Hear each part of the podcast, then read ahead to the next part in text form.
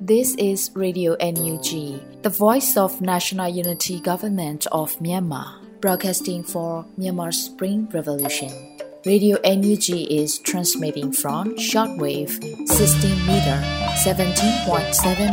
MHz at 8:30 a.m. and 25 meter 11.94 MHz at 8:30 p.m. Myanmar Standard Time. မင်္ဂလာပါရှင်။ မြို့သားညီညွတ်ရေးအစိုးရရဲ့အတန်လွန်ဌာန Radio NUG ကိုမနက်ပိုင်း၈နာရီခွဲမှာလိုင်းတူ16မီတာ19.89 MHz ၊ညပိုင်း၈နာရီခွဲမှာလိုင်းတူ25မီတာ17.6 MHz တို့မှာဓာတ်ရိုက်ဖမ်းယူနားဆင်နိုင်ပါတယ်ရှင်။မင်္ဂလာအပေါင်းနဲ့ပြည့်စုံကြပါစေ။အခုချိန်ကစပြီး Radio NUG အစီအစဉ်လေးကိုဓာတ်ရိုက်အတန်လွှင့်ပေးနေပါပြီရှင်။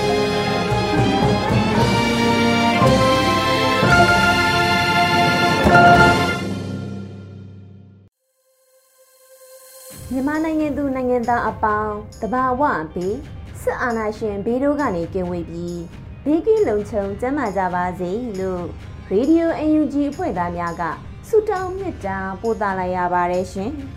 ပထမဆုံးအနေနဲ့ကာကွယ်ရေးဝန်ကြီးဌာနရဲ့စစ်ရေးသတင်းကျဉ်းချုပ်ကိုစောတဲလူနေမှတင်ဆက်ပေးမှာဖြစ်ပါတယ်ရှင်အမျိုးသားညီညွတ်ရေးဆိုရာကာကွယ်ရေးဝန်ကြီးဌာနမှနိုင်စဉ်ထုတ်ဝေတဲ့စစ်ရေးသတင်းအကျဉ်းချုပ်များကိုစတင်တင်ပြပေးပါမယ်။သတင်းများအရရန်သူတပ်သားအုံသေဆုံးပြီးဒဏ်ရာရရှိသူအရေးအတွက်ကိုတော့စုံစမ်းဆဲဖြစ်ကြောင်းသတင်းရရှိပါရခင်ဗျာ။စစ်ကောင်စီနဲ့တိုက်ပွဲဖြစ်ပွားမှုများမှာအကွေးတိုင်းတွင်ဇန်နဝါရီလ12ရက်နေ့မနက်9:20မိနစ်ခန့်ကစိတ်ဖြူမြို့နယ်စိတ်ဖြူပခုတ်ကူလမ်းပိုင်းနဲ့စိတ်ဖြူပေါက်လမ်းပိုင်းပေါ်ရောက်ရှိလာသောစိတ်ဖြူအခြေဆိုင်ကပ္ပစ22တို့ပို့ဆောင်ပြီးရန်သူရိတ်ခါထောက်ပို့ရင်နှစ်စီကို OOUG Group 14နဲ့ သိန်းငတ်နက်စိတ်ဖြူတော်လိုင်းရေးတပ်ဦး Blood Hawk စိတ်ဖြူ Revolution Front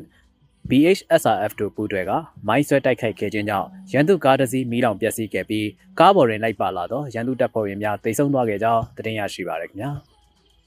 ဇန်နဝါရီလ12ရက်နေ့မနက်9:00နာရီခန့်ကစိတ်ဖြူမျိုးနယ်စိတ်ဖြူစောလန်ပိုင်းတွင်စိတ်ဖြူပခုတ်ကူလမ်းစုံတွင်ရှိသော10မိုင်လမ်းစုံရန်သူစစ်ဆေးရေးကိရာ OOUG Group 14နှင့်တိန်းငတ်နက်စိတ်ဖြူတော်လိုင်းတပ်ဦး Blood Hawk စိတ်ဖြူ Revolution Front BHSRF တို့ပူးတွဲကဒရုန်းအုံပြုဘုံတိချတိုက်ခိုက်ခဲ့ခြင်းကြောင့်ရန်သူတပ်ဖွဲ့ဝင်၃ခန့်တိတ်ဆုံးသွားခဲ့ကြောင်းသတင်းရရှိပါရခင်ဗျာစစ်ကောင်စီကျူးလွန်သောရာဇဝဲမှုများမှာကရင်ပြည်နယ်တွင်ဇန်နဝါရီလ12ရက်နေ့နေ့လယ်2နာရီခန့်ကလိုင်းဝဲမြို့နယ်လေးဝါရွာသို့စစ်တပ်ကဂျက်တိုက်လေယာဉ်နှစ်စင်းဖြင့်ခရစ်ယာန်ဘုရားကျောင်းပေါ်သို့ပြစ်မှတ်ထားပြီးဘုံနှလုံးစီကျဲချခဲ့သောကြောင့်အသက်3နှစ်ဝန်းကျင်ရှိကလေးငယ်တအူ၎င်း၏မိခင်နှစ်ချင်းအသင်းအုပ်ဆရာတော် ကတလက်အသင်းတော်ဆရာတော်နှင့်ရွာသားတအူစုစုပေါင်း9ဦးမှာနေရာ၌ပင်တိတ်ဆုံးခဲ့ပြီးအခြား9ဦးထိခိုက်ဒဏ်ရာရရှိခဲ့ကြောင်းသတင်းရရှိပါရခင်ဗျာချင်းပြည်နယ်တွင်ဇန်နဝါရီလ23ရက်နေ့ကဟာခါမြို့နယ်တွင် CNF CNA ဌာနချုပ်ဘုံကျဲတိုက်ခိုက်ခံရမှုအတွက်စိုင်းများပိတ်၍ဝမ်းနေကြောင်းပြသသောဆိုင်ချို့ကိုစစ်တပ်ကချိတ်ပိတ်ခါဆိုင်ရှင်ချိုအားဖမ်းဆီးခေါ်ဆောင်သွားခဲ့ကြောင်းသတင်းရရှိပါရခင်ဗျာ နေပြည်တော်တွင်ဇန်နဝါရီလ12ရက်နေ့မှစတင်၍နေပြည်တော်ပြည်မနာမြို့နယ်ရှေ့ဘက်အဝေးရ10အနည်းရှိကတိုးစိန်အင်တာကြောက်ကုန်းဝဲကြီးတာယာစုဂျိုဒန်ဇီယိုင်းကန်ဦးရွှေပြည်သာရွှေတောင်တန်းစသောကျေးရွာများတွင်စစ်တပ်ကပုံမှန်144ထုတ်ပြန်ထားပြီးည7:00နာရီမှမနက်4:00နာရီထိအပြစ်မထွက်ရထွက်လျင်ပြစ်မိန်ပေးထားကြောင်းသတင်းရရှိပါရခင်ဗျာယခုဖော်ပြပါသတင်းများကိုမြေပြင်သတင်းတာဝန်ခံများနဲ့သတင်းဌာနများမှဖော်ပြလာသောအချက်လက်များပေါ်တွင်အခြေခံပြုစုထားခြင်းဖြစ်ပါတယ်ကျွန်တော်စောတဲလူနေပါ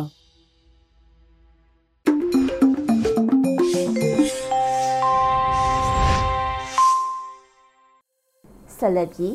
Radio UNG ရဲ့နောက်ဆုံးရသတင်းများကိုຫນွေဦးမွန်မှဖက်ကြားတင်ပြပေးပါမယ်ရှင်။မင်္ဂလာမနက်ခင်းပါရှင်။2023ခုနှစ်ဇန်နဝါရီလ14ရက် Radio NUG ရဲ့မနက်ခင်းပြည်တွင်သတင်းတွေကိုနားဆင်ကြရမှာဖြစ်ပါတယ်။ကျွန်မຫນွေဦးမွန်ပါ။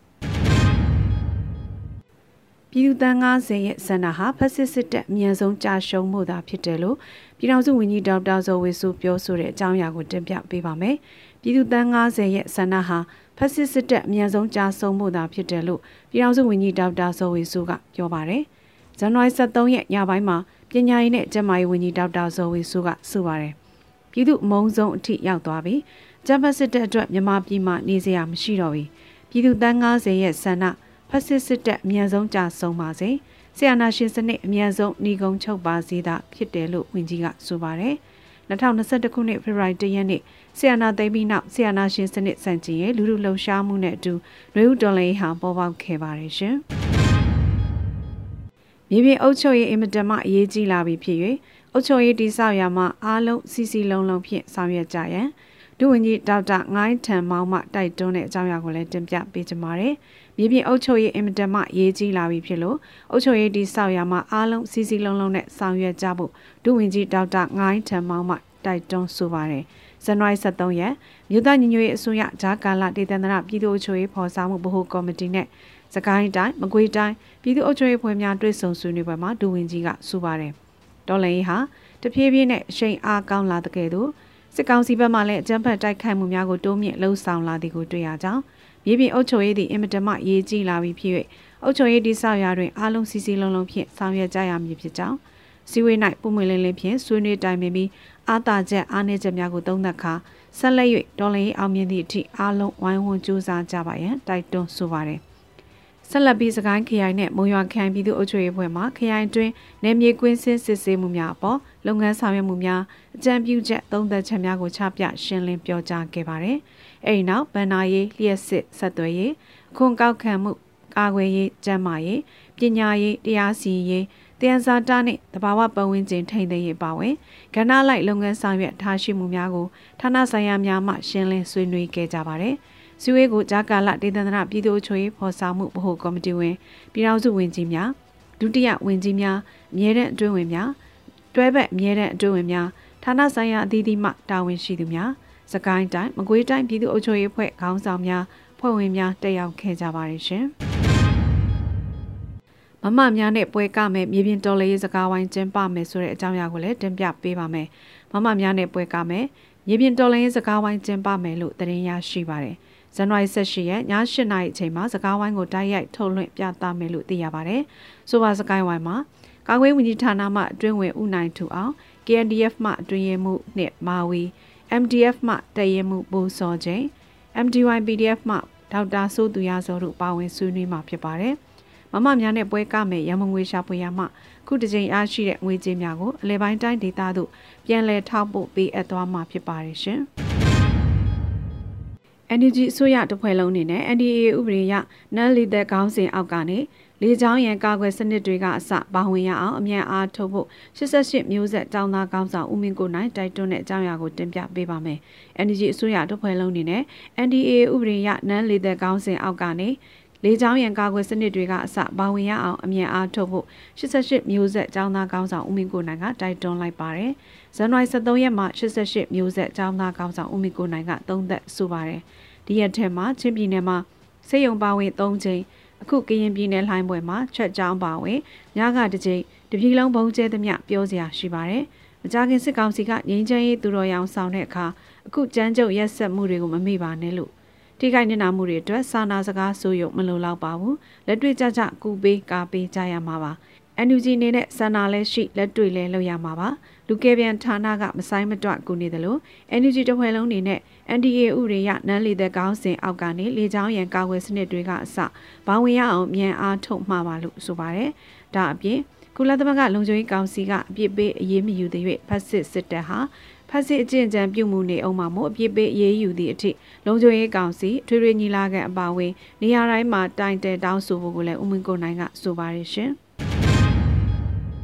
စစ်ကောင်စီရဲ့ဂျင်းရွေးကောက်ပွဲကိုပြည်သူတရလုံးနေနဲ့မဲမထက်အဖက်မလုပ်ပဲတပိတ်မှောက်ကန့်ကွက်ဖို့နှိုးဆော်တဲ့အကြောင်းအရာကိုဆက်လက်တင်ပြပေးပါမယ်။စစ်ကောင်စီရဲ့ဂျင်းရွေးကောက်ပွဲကိုပြည်သူတရလုံးနေနဲ့မဲမထက်အဖက်မလုပ်ပဲတပိတ်မှောက်ကန့်ကွက်ဖို့သွေးစွငွေဖြတ်တောက်ရေးလှုံ့ဆော်မှုအဖွဲ့ကနှိုးဆော်တိုက်တွန်းလိုက်ပါတယ်။ ဇန်နဝါရီ23ရက်နေ့မှာသွေးစွငွေဖြစ်တောက်ရဲ့လှုပ်ရှားမှုပွဲကအသိပေးဖော်ပြပါရတယ်။ဂျမစစ်ကောင်စီအနေနဲ့နိုင်ငံရေးအတရားဝင်မှုတစုံတရာရဖို့ဂျင်းရွေးကောက်ပွဲကိုမကြခင်ချိန်မှာလှုံ့ဆော်မှုရှိပါတယ်။ရွေးကောက်ပွဲဘယ်လိုပဲလုပ်လို့အစိုးရဖြစ်အောင်ဘယ်လိုပဲစူးစမ်းစူးစမ်းဒီရွေးကောက်ပွဲဟာတရားမဝင်တဲ့လူသက်သမားတွေရဲ့ဂျင်းရွေးကောက်ပွဲပဲဖြစ်ပြီးပြည်သူတရားလုံးနေနဲ့မဲမထက်အဖက်မလုပ်ပဲတပိတ်မှောက်ကန့်ကွက်ရမှာဖြစ်ပါတယ်လို့ဆိုပါတယ်။ဂျမစစ်ကောင်စီဟာ2023ခုနှစ်မှာတူရောက်ရွေးကောက်ပွဲကိုကျင်းပဖို့ပြင်ဆင်နေလျက်ရှိပါတယ်။ လူတယောက်ကနေစားလို့စစ်တက်ကြီးတက်တဲ့အထိပတ်စံမရှိရင်ဘာကူမှလုံးလို့ရမှာမဟုတ်ဘူးဆိုတဲ့စကားအတိုင်းဂျမ်ဘတ်စစ်တပ်ရဲ့ဝင်ငွေဖြတ်တောက်ရဲ့လှုပ်ရှားမှုတွေကိုလည်းတက်ညီလက်ညီဝိုင်းဝန်းလှုပ်ဆောင်ရမှာပဲဖြစ်ပါတယ်လို့သွေးစွငွေဖြတ်တောက်ရဲ့လှုပ်ရှားမှုဖွဲ့ကဆိုပါတယ်ရှင်။စ ကိုင်းတိုင်းကဏီမြို့နယ်ချင်းတွင်းမြေကြောင်းတလျှောက်တလာနီပါကြာမြင့်ခဲ့တဲ့တိုက်ပွဲကာဝေးတပ်ဖွဲ့များအောင်ပွဲပြန်လို့ပြည်သူများတပြေပန်းနဲ့ကြိုးဆိုတဲ့တဲ့ရင်ကိုဆက်လက်တင်ပြပေးပါမယ်။စကိုင်းတိုင်းကဏီမြို့နယ်ချင်းတွင်းမြေကြောင်းတလျှောက်တလာနီပါကြာမြင့်ခဲ့တဲ့တိုက်ပွဲကာကွယ်တပ်ဖွဲ့များအောင်ပွဲပြန်လို့ပြည်သူများတပေပန်းနဲ့ကြိုးစုခဲ့ကြပါတယ်။ဇန်နဝါရီ7ရက်မှာမြန်မာ Defense Force ကအသိပေးဆိုပါတယ်။စကိုင်းတိုင်းကဏီမြို့နယ်ချင်းတွင်းမြေကြောင်းတလျှောက်ကုန်းချောင်းရေချောင်းထိုးလာသည့်စစ်ကောင်စီစစ်ကြောင်းများနဲ့ တော်လိုင်းတပ်ဖွဲ့များအကြားထိတွေ့တိုက်ပွဲမှာတလနီးပါးကြာမြင့်ခဲ့ပြီးနောက်တော်လိုင်းတပ်ဖွဲ့များအောင်ပွဲဆင်နိုင်ခဲ့ပါတယ်လို့ဖော်ပြပါတယ်။ထိတွေ့တိုက်ပွဲအတွင်းစစ်ကောင်စီဘက်မှ90ကျော်ကြာဆုံးပြီးစစ်ကောင်စီတပ်သားများထံမှလက်နက်ကြီးလက်နက်ငယ်များလည်းသိမ်းဆည်းရမိခဲ့ပါတယ်။ စစ်ကောင်စီတပ်များအရှုံးနှင့်ဆုတ်ခွာပြီးနောက်အောင်ပွဲဖြင့်ပြန်လာကြသည့်တော်လှန်ရေးတပ်ဖွဲ့များကိုကဏီမြို့နယ်အတွင်းရှိကျေးရွာ20နီးပါးမှပြည်သူထောင်ချီဟာစုရက်ခုနှစ်ခုမှစုဝေကအောင်တပြေပန်းများအိုးစီဒိုးဘက်အကခုံများစွာဖြင့်တောင်းတောင်းဖြားဖြားကြိုးဆိုကြပြီးစားတောင်များအခန့်ကျွေးမွေးခြင်းနဲ့ဒေါ်လာရေးထောက်ပံ့ငွေများလည်းလှူဒန်းခဲ့တယ်လို့သတင်းရရှိပါရယ်။ယခုအောင်ပွဲပြန်ကြိုးဆိုပွဲသို့ MDF နဲ့ဒေတာရင်းဒေါ်လာရေး6ဖွဲ့ကမှပြည်သူရဲဘော်တရားကျော်တက်ရောက်ခဲ့ပါတယ်ရှင်။ ကံကောခရိုင်အမှတ်73တရင် The Year Foot Saw and ကြောက်ထုထံသို့ပြည်သူများမှရွှေတဲ့ပစ္စည်းများချွေတော်လရင်အတွက်လှူဒန်းတဲ့တဲ့ရင်ကိုလည်းတင်ပြပေးပါမယ်။ကံကောခရိုင်အမှတ်73တရင် The Year Foot Saw and ကြောက်ထုထံသို့ပြည်သူများမှရွှေတဲ့ပစ္စည်းများချွေပြီးတော်လရင်အတွက်လှူဒန်းခဲ့ပါတယ်။ဇန်နဝါရီ23ရက်မှာကံကောခရိုင်အမှတ်73တရင် The Year Foot Saw and ကြောက်ထုကအသိပေးဆိုပါတယ်။ကံကုန်ခရိုင်အမှတ်73တရင်တရက်ဖို့ဆောင်းရန်ကြောက်ထုထံသို့ပြည်သူများမှရွှေတဲ့ပစ္စည်းများထည့်ဝင်လှူဒန်းပေးခဲ့ကြပါတယ်။ ပြည်သူများမှထဲဝင်လူဒန်းပေးကြသောရွှေတဲ့ပစ္စည်းများအာရောင်ချပြီးတော်လရင်အတွက်အကျိုးရှိရှိသုံးဆွဲသွားမှာဖြစ်ပါတယ်လို့ဆိုပါတယ်။ကံကုတ်ခရိုင်အမှတ်73တရင်တရက်ဖို့စောရန်ကြောက်ထုကိုပြည်သူများထဲဝင်လူဒန်းရမှာရွှေလက်စွပ်ရွှေစညက်ရွှေဆွဲကြိုးတို့ပါဝင်ခဲ့ပြီးပြည်သူများကယတိပြက်လူဒန်းပေးအပ်ခဲ့တာဖြစ်ပါတယ်ရှင်။ရွှေဘို Justice for မှထုတ်လုပ်သော လက်လုံတနက်များဖြန့်ဝေတဲ့သတင်းကိုလည်းတင်ပြပေးကြပါမယ်။ရွှေဘို Justice for မှာထုတ်လုပ်တဲ့လက်လုံတနက်များဖြန့်ဝေခဲ့တယ်လို့ဆိုပါတယ်။ဇန်နဝါရီလတွင်းမှာ SGF Gun Production မှအသိပေးဆိုပါတယ်။ SGF Gun Production မှာထုတ်လုပ်သောစစ်ကောင်စီတပ်များအားအမြင့်ဖြုတ်ရန်အတွက်ရွှေဘိုမြို့နယ်သို့ရောက်ရှိသွားသောရဲဘော်ညီနောင်၃ဦးလို့ဆိုထားပါတယ်။ရွှေဘို Justice for ဟာထုတ်လို့ရေးဘက်မှာလည်းလက်လုံလက်နက်နဲ့ရဲများမိုင်းများကိုတီထွင်ထုတ်လုပ်အောင်မြင်လျက်ရှိပါတယ်ရှင်။စ ကိုင်းတိုင်းအင်းတော်မြို့နယ်၌ကျန်းဖက်စီအုပ်စုရဲ့ခလာရ416မှရန်တမ်းပစ်ခတ်သောလက်နက်ကြီးကြီးထိမှန်ပြီးပဲဆိုင်တောင်သူပေါင်ထိမှန်ကသွေးလွန်သေးဆုံးတဲ့တဲ့ရင်ကိုတင်ပြပေးပါမယ်။စကိုင်းတိုင်းအင်းတော်မြို့နယ်မှာကျန်းဖက်စီအုပ်စုရဲ့ခလာရ416မှရန်တမ်းပစ်ခတ်တဲ့လက်နက်ကြီးကြီးထိမှန်တာကြောင့်ပဲဆိုင်တောင်သူတအူပေါင်ထိမှန်ပြီးသွေးလွန်သေးဆုံးခဲ့ရပါတယ်။ဇန်နဝါရီ23ရက်မှာဆီယနာသိမ်းပြီးနောက်လက်တလောဖြစ်ပေါ်လျက်ရှိတဲ့အခြေအနေများနဲ့ပတ်သက်ပြီး AAPP ကဖော်ပြအသိပေးပါတယ်။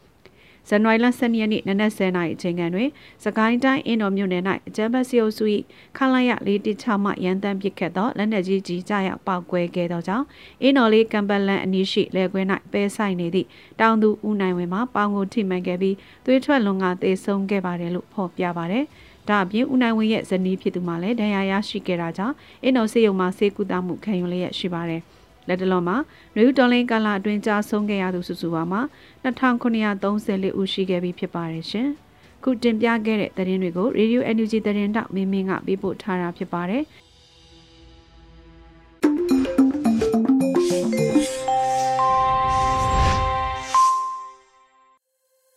ရေဒီယိုအန်ယူဂျီမှဆက်လက်တမ်းလွှင့်နေပါတယ်။အခုဆက်လက်ပြီးပြည်သူခုခံတော်လှန်စစ်တရင်များကို မင်းနိုင်တွေဦးမှတင်းဆက်ပေးမှာဖြစ်ပါတယ်ရှင်ပထမအဆုံးတင်ဆက်မှာကတော့ရွှေဘိုကံကြီးတော်ရွာကိုမိရှို့ဖျက်ဆီးနေသည့်စစ်သားများကို PDF တပ်ဖွဲ့များကပြစ်ခတ်တိုက်ခိုက်တဲ့တဲ့တင်မှာစကိုင်းတိုင်းရွှေဘိုမြို့ကံကြီးတော်ရွာကိုမိရှို့ဖျက်ဆီးနေသည့်စစ်သားများကို PDF တပ်ဖွဲ့များက40မမများဖြင့်ပြစ်ခတ်တိုက်ခိုက်ခဲ့ကြောင်းဘလဝု PDF တပ်ဖွဲ့ကထုတ်ပြန်ပါတယ် ဇန်နဝါရီလ12ရက်နေ့မွန်းလက်2:50မိနစ်တွင်ဟန်လင်းမြို့အောင်၌တက်ဆွဲထားတဲ့စစ်သားများကကံကြီးတော်ရွာကိုဝင်းရောက်စီးနှင်ပြီးပြည်သူပိုင်းနေအိမ်နှင့်ဇဘာများအားမိရှို့ဖျက်ဆီးနေစဉ်ဒေသခံကာကွယ်ရေးတပ်ဖွဲ့များက40မမများဖြင့်အနိကခြုံကိုပြစ်ခတ်တိုက်ခတ်ခဲ့ပြီးအပြန်အလှန်ထိတွေ့တိုက်ပွဲဖြစ်ပွားခဲ့တာပါအကြမ်းဖက်စစ်တပ်ဘက်မှထိခိုက်ဒေဆုံးမှုအခြေအနေကိုအတိမပြုနိုင်သေးကြောင်းတိုက်ပွဲဖြစ်ပွားပြီးနောက် အကြမ်းဖက်စစ်တပ်စစ်ကြောင်းသည်ဟန်လင်းပြူမျိုးဟောင်းအတွင်ပြန်လည်ဝင်ရောက်သွားကြောင်းဘလက်ဝု PDF တပ်ဖွဲ့ကထုတ်ပြန်ပါတယ်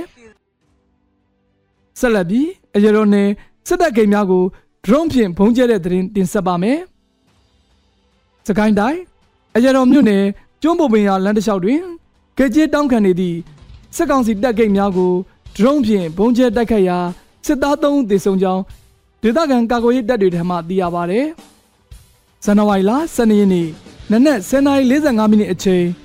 ကျွန်းပုံပင်ရလမ်းတစ်လျှောက်တွင်ဂိတ်ကျတောင်းခံနေသည့်စစ်ကောင်စီတပ်များကိုဒရုန်းဖြင့်အသုံးပြုပြီးတိုက်ခတ်ခဲ့ခြင်းဖြစ်ကြောင်းစစ်တပ်ဘက်မှသေဆုံးမှုများပြားကြောင်း Danger for MBDF ကဆိုပါတယ်ဒရုန်းလေးစင်းဖြင့်ဘုံသစ်ရှစ်လုံးကျဲချတိုက်ခတ်ခဲ့ပြီးစစ်ကောင်စီတပ်သား၃တက်မနဲ့သေဆုံးပြီး၄ဦးဒဏ်ရာကြောင်းမြင့်မြင့်တွေ့သူတွေကအတည်ပြုပါတယ် နောက်ဆုံးအနေနဲ့စစ်တပ်မဲဝိုင်စကန်ကို KNN နဲ့ PDF ပူးပေါင်းတပ်များတိုက်ခိုက်မှုစစ်တပ်ဘက်မှ9ဦးသေဆုံးပြီးပူးပေါင်းတပ်မှ6ဦးကြာဆုံးတဲ့သတင်းတင်ဆက်ပါမယ်။ KNN တပ်မ9နယ်မြေကစစ်တပ်မဲဝိုင်စကန်ကိုပူးပေါင်းဖွဲ့များကဇန်နဝါရီလဆန်းပိုင်းတစ်လျှောက်လုံးပိတ်ဆို့တိုက်ခိုက်နေပြီးတိုက်ခိုက်မှုတွင် KNU KNN ဥဆောင်မှုဖြင့် FAD BPL နှင့် PDF တပ်ဖွဲ့ဝင်များပါဝင်ခဲ့ပြီးအကြမ်းဖက်စစ်တပ်ဘက်က တိုက်လျင်ရှစ်စီအထိအသုံးပြု၍ခုခံခဲ့သောကြောင့်အပြစ်ဒဏ်မသိမ်းနိုင်သေးကြောင်း KNN သတင်းရင်းမြစ်တွေကဆိုပါတယ်။မဲမိုင်စကန်တိုက်ပွဲဖြစ်စဉ်အတွင်းအကြမ်းဖက်စစ်တပ်ကအထိနာသဖြင့်လေရင်ဖြင့်ပစ်ခတ်တိုက်ခိုက်ရာအရက်သားပြည်သူ6ဦးသေဆုံးပြီးမတော်စစ်ကောင်စီတပ်စခန်းကလည်း120မမဖြင့်အကြိမ်20နှစ်အထက်ပစ်ခတ်သည့်အတွက်ပြည်သူ2ဦးသေဆုံးခဲ့ရကြောင်းဒေသခံပြည်သူတအုပ်ကပြောပါတယ်။အဆိုပါတိုက်ပွဲတွင် KNN ပူပေါင်းအဖွဲ့ဘက်မှလည်း 6ဦးကြာဆုံးပြီး20ဝန်းကျင်တန်းရရှိခဲ့ကြောင်းမဲဝိုင်စကန်သည်စစ်ကောင်စီ၏အရေးပါသောခြေကုပ်စကန်တစ်ခုဖြစ်ပြီးအင်အား80ဝန်းကျင်ရှိပါတယ်။ယခုနှစ်စမိုင်းမှစ၍မဲဝိုင်စကန်သိန်းတိုက်ပွဲမှာပြင်းထန်လျက်ရှိပြီးစစ်ကောင်စီဘက်ကလည်းလေရင်များလက်နက်ကြီးများအသုံးပြု၍ခုခံနေကတိုက်ပွဲများအလွန်ပြင်းထန်နေပါတယ်ခင်ဗျာ။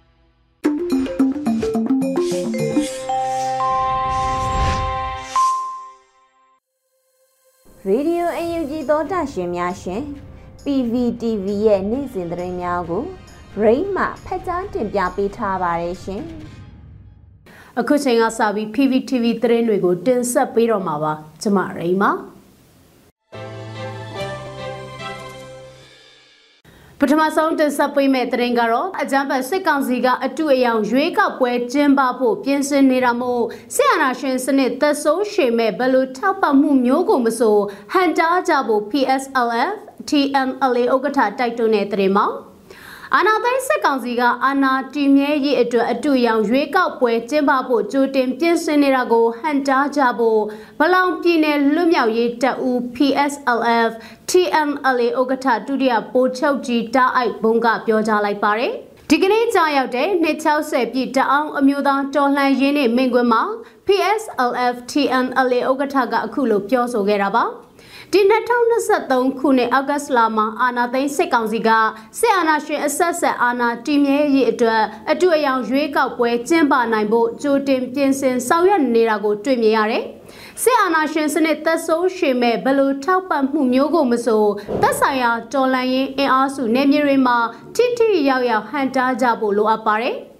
ဒီဟန်တားဖို့အခွင့်အရေးကိုမိမိတို့တော်လန်ရင်အင်အားစုဘက်ကအပြည့်အဝပိုင်ဆိုင်ထားတယ်။ဒီအခွင့်အရေးကိုကောင်းစွာအသုံးချမှသာနောင်လာနောက်သားများမျိုးဆက်သစ်တွေကစစ်ကြွဘဝကနေလွတ်မြောက်နိုင်မှာဖြစ်တယ်လို့ဒုဗိုလ်ချုပ်ကြီးတာအိုက်ပုံကပြောပါရယ်။အခုဆက်အာဏာသိမ်းမှုနောက်ဆက်တွဲအားသုံးသက်ကြည့်ပါကတိုင်းပြည်အတွင်းရှိတိုင်းရင်းသားပြည်သူအလုံးက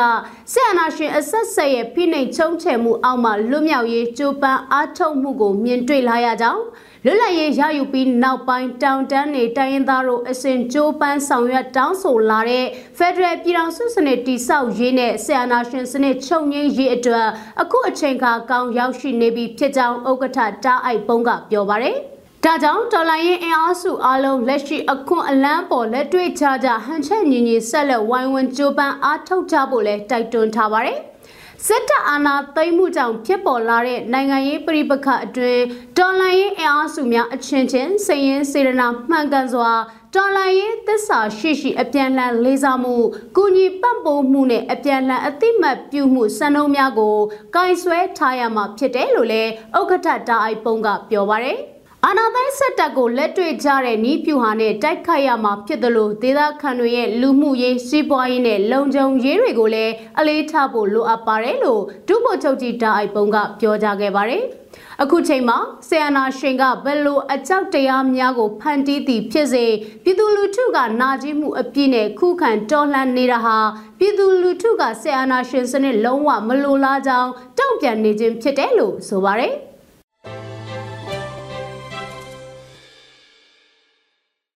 ဆက်လက်တင်ဆက်မှာကအကြမ်းဖက်စစ်တပ်ရဲ့ဟာခအခြေစိုက်တန်ရင်ကတပ်သားတအူလက်နက်နဲ့အတူ CTF ဇောက်ဖိထန်ခုံလုံလာတဲ့တဲ့မှာချင်းပြည်နယ်ဟာခအခြေစိုက်အကြမ်းဖက်စစ်တပ်ရဲ့တန်ရင်ခလာယာ266မှာတပ်သားတအူအလင်းဝင်ခုံလုံလာတယ်လို့ချင်းကာကွယ်ရေးတပ် CTF ဇောက်ဖိကသတင်းထုတ်ပြန်ပါတယ်။ ယခုနှစ်ဇန်နဝါရီလ6ရက်ကအကြမ်းဖက်စစ်တပ်ရဲ့ခလာရ266တရင်ကပြည်သူဘတ်တော်သားတဦးဟာ MA1 တနက်တလဲကြီးများနဲ့အတူလာရောက်ပူးပေါင်းလာလို့နှွေးထွေးစွာကြိုးဆိုခဲ့ကြောင်းဖော်ပြထားပါတယ်။ပြည်သူဘက်တို့အလင်းဝင်ခိုလုံလာသူပြည်သူဘက်တော်သားအတွက်ထိုက်တင်သောစုကြီးလက်ဆောင်ပေးအပ်ခဲ့သလိုတပ်ဖွဲ့ဝင်များလွတ်မြောက်နေမြေသို့ကောင်းမွန်စွာရောက်ရှိရေးတာဝန်ယူဆောင်ရွက်ပေးသွားမယ်လို့ CTF ဇုတ်ဖေကထုတ်ပြန်ခဲ့ပါတယ်။ 2022ခုနှစ်နှစ်ကုန်ပိုင်းကလည်းအကြမ်းဖက်စစ်တပ်ရဲ့ခလာရ266တပ်ရင်မှာတပ်သား3ဦးဟာလက်နက်နဲ့အတူ CTF ဇောက်ဖိတန်လာရောက်ပူးပေါင်းခဲ့ပူပါတယ်။တပ်သားစင်ကိုထက်တပ်သားအောင်ဖြိုးမင်းနဲ့တပ်သားတက်နိုင်ထွန်းတို့ဟာတနက်နှစ်လက်လက်ပစ်ပုံ3ခုကြီးစံ900ကျော်ယူဆောင်ကအလင်းဝင်လာကြောင်း CTF ဇုတ်ဖိတ်ကအသိပေးထားပါတယ်။ အလားတူ2022နှစ်ကုန်ပိုင်းမှာလဲအကြမ်းဖက်စစ်တပ်ရဲ့ဟာခါမြို့မှာရဲစခန်းမှာရဲတပ်သားတဦးလဲလက်နက်နဲ့အတူ CTF ဇုတ်ဖိတန်အလေးဝင်ခွလုံခဲ့ပါတယ်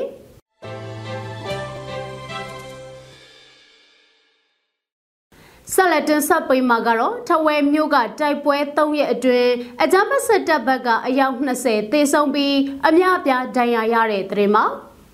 သတင်းတိုင်းတိုင်းထဝဲခရိုင်ထဝဲမြို့နယ်မှာအကြမ်းဖက်စစ်ကောင်စီရင်တန်းကိုဒေသကာကွယ်ရေးတပ်ဖွဲ့တွေဘက်ကဇန်နဝါရီ9ရက်နဲ့9ရက်နေ့2ရက်အတွင်းခုခံတိုက်ခိုက်ခဲ့ရာတိုက်ပွဲ၃ကြိမ်ဖြစ်ပွားခဲ့ပြီးအကြမ်းဖက်စစ်ကောင်စီဘက်ကအယောက်20သေဆုံးပြီးတတော်များများတန်ရာရခဲ့တယ်လို့အုပ်အော်သစ်စစ်ကြောင်းထဝဲမြို့နယ်ကထုတ်ပြန်ပါတယ်။အော်အော်စစ်ကြောင်းဘက်ကတော့ဒုစစ်ကြောင်းမှုတယောက်ကြာဆုံးပြီး၃ယောက်ဒဏ်ရာရခဲ့တယ်လို့သိရပါတယ်။ ဇန်နဝါရီလ9ရက်နေ့ကနေထဝယ်ဘက်ကနေလာတဲ့အကြမ်းဖက်စစ်တပ်က6စီးနဲ့အင်အားတရာလောက်ကိုမနေ့9နာရီဝန်းကျင်လောက်ကနေနေ့လယ်7နာရီဝန်းကျင်လောက်အထိအုပ်အောစစ်ကြောင်းကမိုင်းဆွဲတိုက်ခိုက်ခဲ့တယ်လို့သိရပါတယ်။နှစ်ဖက်အပြန်လှန်ပစ်ခတ်မှုတွေဖြစ်ပွားခဲ့ပြီး60မမလက်နက်ကြီးနဲ့တိုက်ခိုက်နေတဲ့အကြမ်းဖက်စစ်တပ်ကိုအခုလိုအလစ်ဝင်ဝင်ရောက်တိုက်ခိုက်တယ်လို့အုပ်အောစစ်ကြောင်းထုတ်ပြန်ချက်အရသိရပါတယ်။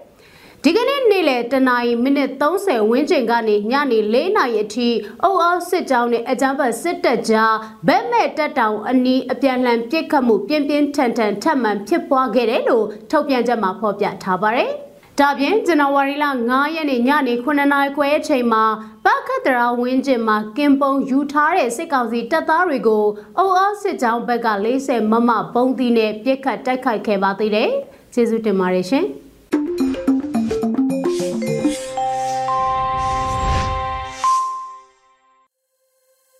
အခုဆက်လက်ပြီးတိုင်းသားဘာသာစကားအစီအစဉ်အနေနဲ့ချိုးချင်းဘာသာစကားခွဲတစ်ခုဖြစ်တဲ့ဒိုင်းဘာသာစကားဖြင့်သတင်းထုတ်လွှင့်မှုအစီအစဉ်ကိုတင်ဆက်ပေးမှာဖြစ်ပါတယ်။ဒီအစီအစဉ်ကို Radio UNG နဲ့ချိုးချင်းဘာသာစကားထုတ်လွှင့်မှုအစီအစဉ်အဖွဲ့တို့ပူးပေါင်းထုတ်လွှင့်တာဖြစ်ပါတယ်ရှင်။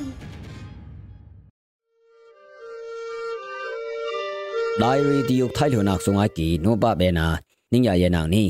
တုံဝချစ်စုခါအမ်နုခလိကဖူ ขึ้นสู่มาตึงหงยากาทักตรงเอกี่ได้ชลายนอกันิงยามเทลตุขยากากีอักษกาตลากูวักยายุยกป่วยชุมซอนนะชุขวากูบีไว้ปีกียคังอาอูพีซึมซิงไว้ติลู CNDF นออเปรนเตียทังอังอินากา CNE CNF งอทันเคมเบคทีเรียซุนเซสปูนอคานุคุอาวตุอินเดียบอยปีบุยดอกไขเตียทัง akthum na ka CNF pukia aksek tu po pung pui wai tilu CDF min ta no pet ki tia thang aphuna ka sesapu a yui kok pwe shum son na ku yum ơ wai shum son nung pukia party ya khanga be um na ta lo ai wai am ka be no tilu CDF ha kha kong si no apen tia thange nya ngai khe ka kini เ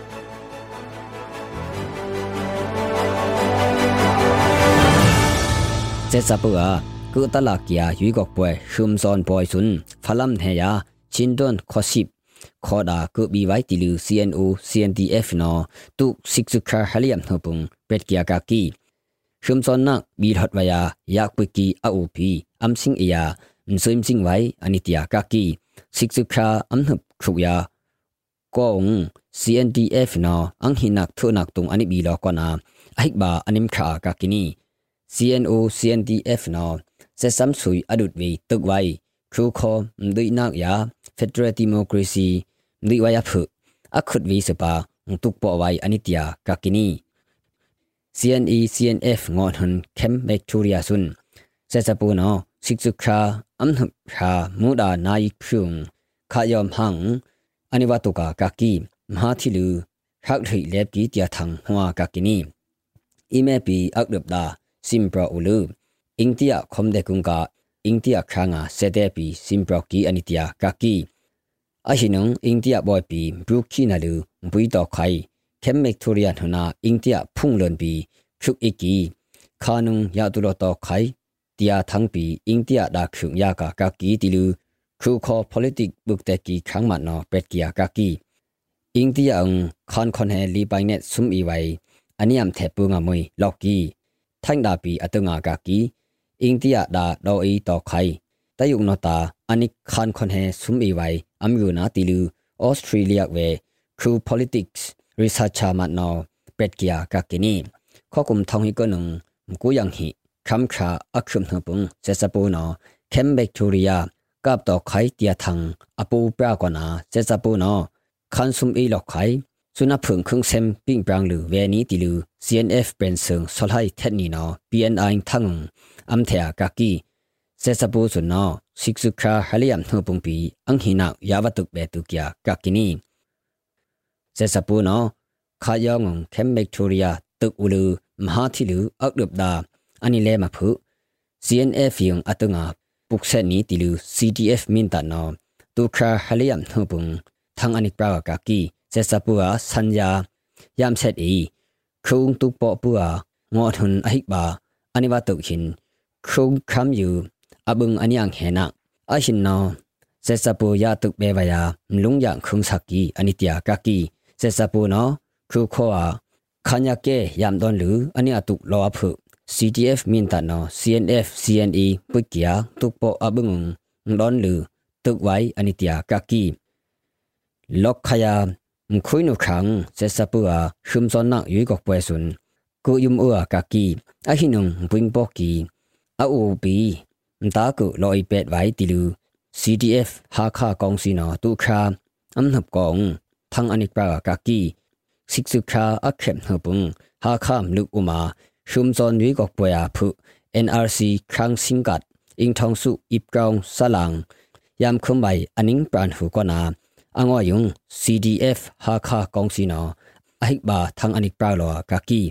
အန်ယူဂျီနပီဆက်စပူအာဆလာငုံကုံပင်းပေါ်ဝယာစစ်စုခါအမ်ဟမ်ဟပုန်ယမ်ဆွေကီယာကကီနီစုငါကီနိုဘဘေနာနင်းရယေနာနီလောဘေတူကီခင်းစုံလောမ်ထုပ်တူတီယာနင်းခုမေတူကောမူတရားမှုကိုစန့်ကျင်သောမေက